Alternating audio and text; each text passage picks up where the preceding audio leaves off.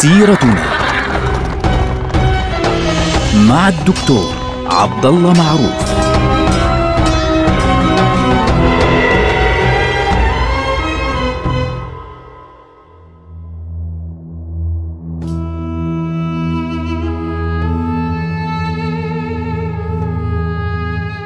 السلام عليكم ورحمة الله وبركاته. سيرتنا سيرة هذه الأمة ونحن الآن في عهد بني العباس في عهد الدولة العباسية الأولى اللي هي الدولة القوية.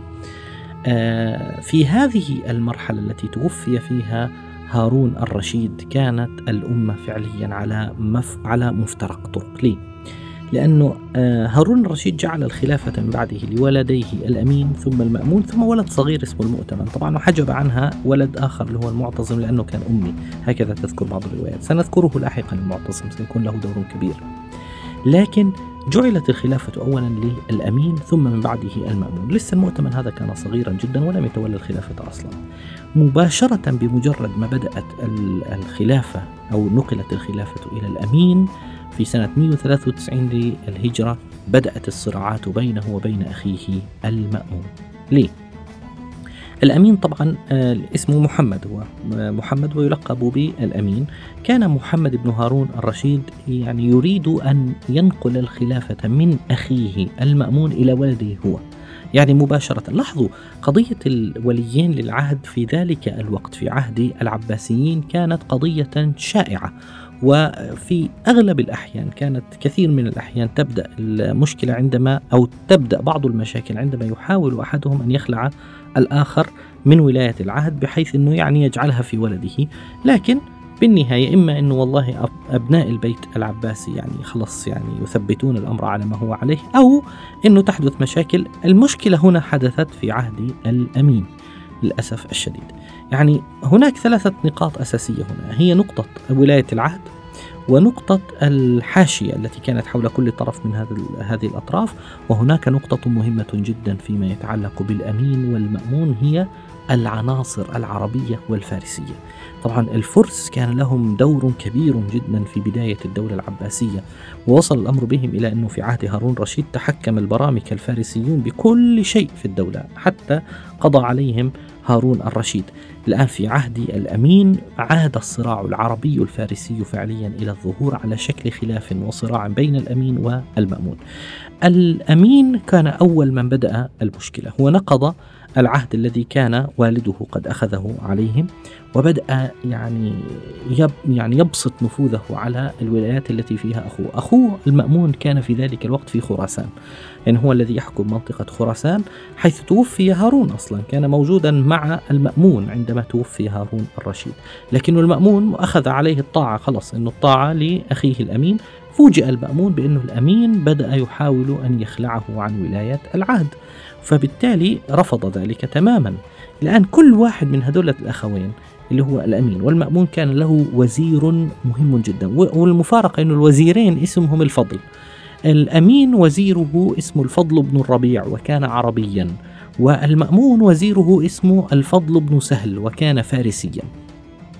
فبالتالي آه، العناصر العربية ناصرت الأمين بسبب يعني وجود الفضل بن الربيع والعناصر الفارسية ناصرت المأمون في هذا الصراع آه، لأنه على رأس الوزارة عنده الفضل ابن سهل الفارسي. فبدأت الصراعات فعليا بين كل طرف من هذه الأطراف على أساس العنصرية الفارسية والعنصرية العربية فعليا بشكل واضح وانكشفت المشاكل بشكل كبير جدا. وبدأت المشاكل فعليا بين الطرفين آه، بالتشجيع من الحاشية. يعني الفضل بن الربيع كان يشجع الأمين اللي هو الحاشية اللي حواليه يشجع الأمين أنه والله اخلع أخاك واجعل مكانه آه، ولدك. هيك أفضل فعليا. وبدأت المشاكل على شكل يعني مراسلات كانت مشكلة. يعني وعنيفة إلى حد ما. المراسلات يعني فيها شيء من الحدة بين الطرفين على قضية ولاية العهد. يعني الولاية كان يقول الأمين فيها لأخيه أنه الولاية يعني الأصل أنها راح تكون لك لا مشكلة ولكن بعد ابني. أنا بس بدي أجري تعديل بسيط يعني يحاول أن يخدعه فعليا بنصيحة الفضل بن الربيع أنه تعال إلى بغداد. فرفض المأمون. في البداية المأمون كان يعني على وشك أنه يأخذ فالفضل بن سهل قال له أبدا إياك يعني هذه قضية كبيرة جدا يعني يمكن في هذه المرحلة أنه أنت يعني يعني ينكث عهدك وبيعتك وتجبر على خلع نفسك عن ولاية العهد فابقى في خراسان.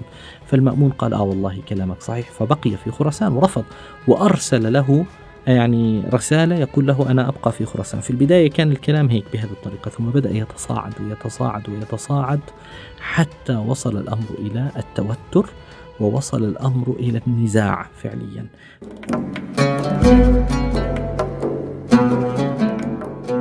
فالأمين أرسل مباشرة إلى أخيه المأمون يقول له باختصار أنا بديش إياك ولي العهد أنا أريد ولدي وليا العهد بدكش تخلع نفسك ستخلع رغما عن أنفك. فالمأمون يرسل له غصب عن عينك أنا سأبقى وليا للعهد وينتهي الأمر. فبدأ الاصطدام بين الطرفين اللي هو الاصطدام اللفظي يتطور إلى اصطدام عسكري حقيقة. فسار جيش إلى خراسان أرسله الأمين بقيادة رجل اسمه علي بن عيسى بن ماهان.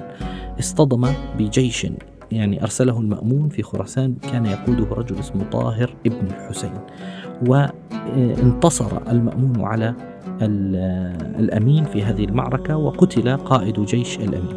ثم بعد ذلك بمجرد ما حدث هذا القتال المأمون أعلن خلع أخيه. قال الأمين هذا يعني لا يصلح لولاية العهد. طبعا هاي الفترة كلها دامت فعليا خمس سنوات من 193 للهجرة حتى 198 فقط خمس سنوات. فالمأمون أرسل آه، بين الناس يقول ينادي بخلع أخيه الأمين لأنه الأمين نكث بيعة هارون الرشيد وبالتالي يعني الخلافة يجب أن تكون لي. فالناس في عاصمة خراسان اللي هي مرو في ذلك الوقت بايعوا المأمون بالخلافة فعليا فحدث قتال آخر. الأمين جهز جيشا آخر. يعني هذه المرة يقوده رجل اسمه عبد الرحمن بن جبلة الأنصاري. كان آه، يعني يريد أن يقاتل جيش طاهر بن الحسين اللي هو نفس الجيش. فوقعت هذه المعركة في منطقة همذان وأيضا انتصر جيش المأمون. فتقدم قوات المأمون مرة أخرى بقيادة آه، طاهر بن الحسين حتى حاصرت مدينة بغداد. وتمكنت هذه القوات من دخول المدينة والقضاء على الأمين أمسكوا بالأمين وأعلنوا خلعه بشكل رسمي. ثم آه، قام طاهر بن الحسين بعمل آذى المأمون أذى كبيرا جدا. كان المأمون لا يريد أن يقتل أخوه يعني كان يريد أن يؤتى بأخيه مباشرة إليه. لكنه الأمين يعني أمسك فأخذه طاهر وقتله. يقول بعض المؤرخين أن الأمين عندما أمسك به دخلوا عليه ليلا فضربوه في السيف ثم ذبحوه ذبحا وأخذوا رأسه إلى طاهر. فطاهر هذا ابن الحسين نصب آه، الرأس رأس الأمين على حائط. ثم قال هذا رأس المخلوع محمد. ثم جر جثته بحبل في شوارع بغداد. شيء يعني صعب سيء سيء جدا يعني هذا المشهد. ثم أرسل طاهر رأس الأمين مع أدوات الخلافة اللي هي البرد والقضيب هذه الأشياء اللي بيحملها موجود يعني الأشياء تمثلها اليوم في بعض الممالك. أرسل إلى المأمون والمأمون كان يعني عندما رأى رأس أخيه غضب غضبا شديدا. و يعني كرهه وأهمله ثم بعد ذلك قال له أنت خلاص لا يعني لم يعد لك كلمة فعليا عندنا. فسبحان الله كان الأمين في أثناء حصار بغداد قد أرسل كتابا إلى طاهر بن الحسين. يقول له يا طاهر ما قام لنا منذ قمنا قائم بحقنا فكان جزاؤه عندنا إلا السيف. فانظر لنفسك أو دع يعني طبعا هذا الكلام قصده عن مين؟ إنه إحنا دولة بني العباس من يوم ما قمنا كل واحد كان يعني كقوة تنفيذية كبيرة جدا تصبح قوته يعني قوية جدا عندنا يعني يكون نهايته عندنا السيف. أبو مسلم الخراساني البرامكة إلى آخره. فبالتالي انت يعني ينتهي الأمر لكنه طاهر ما ردش عليه وبالنهاية طاهر قتل الأمين دون إذن المأمون. فغضب المأمون لذلك. ومع ذلك ده يعني خلاص انتهى الأمر ويعني آه، أعلن خلع الأمين بعد يعني أن آه، حوصرت بغداد وبعد ذلك قتل آه هذا الرجل وانتهى الأمر على ذلك. ثم أعلن المأمون بعد ذلك خليفة وبويع بالخلافة فعليا في خراسان على الدولة العباسية. لكن المأمون في بداية حكمه عندما استلم الحكم يعني بقي في خراسان لم يذهب إلى العراق. لم يذهب إلى بغداد.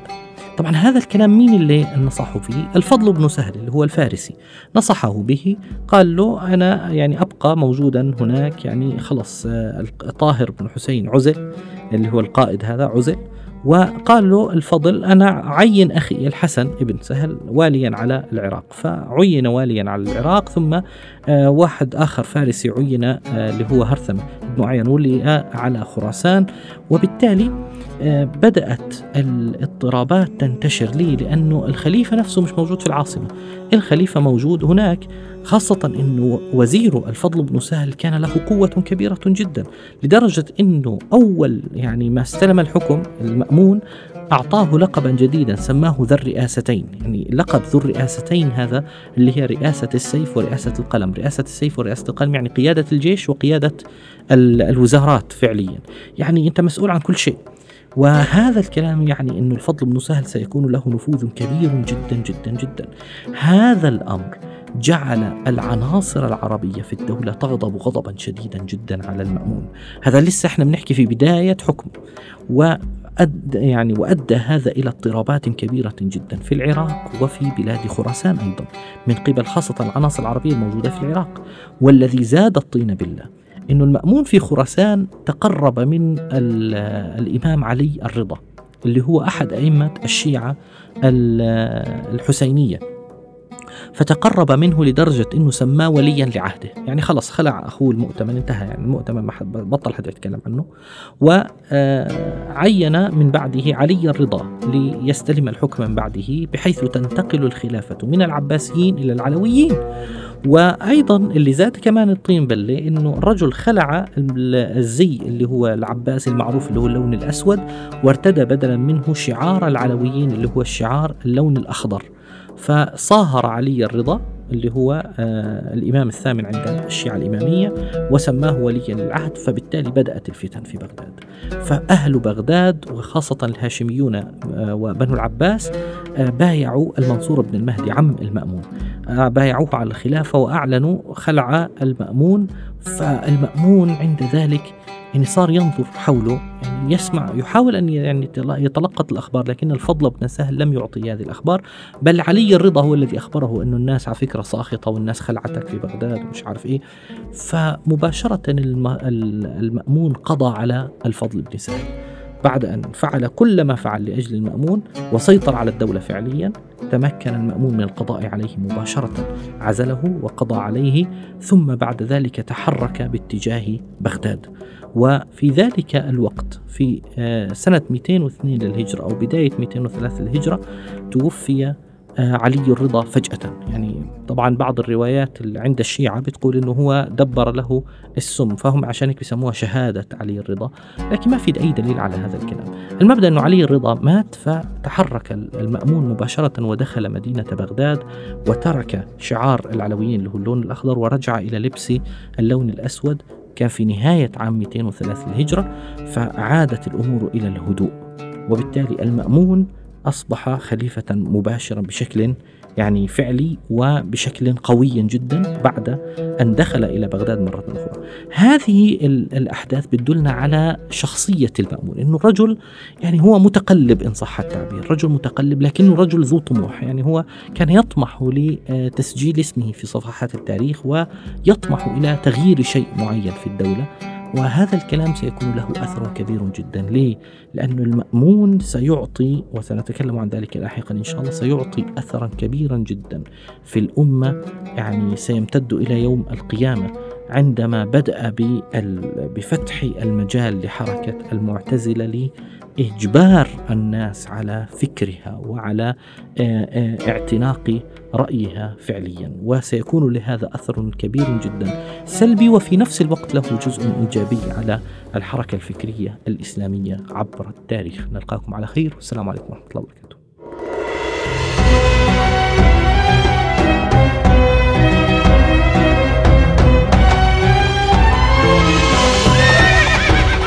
سيرتنا. مع الدكتور عبد الله معروف.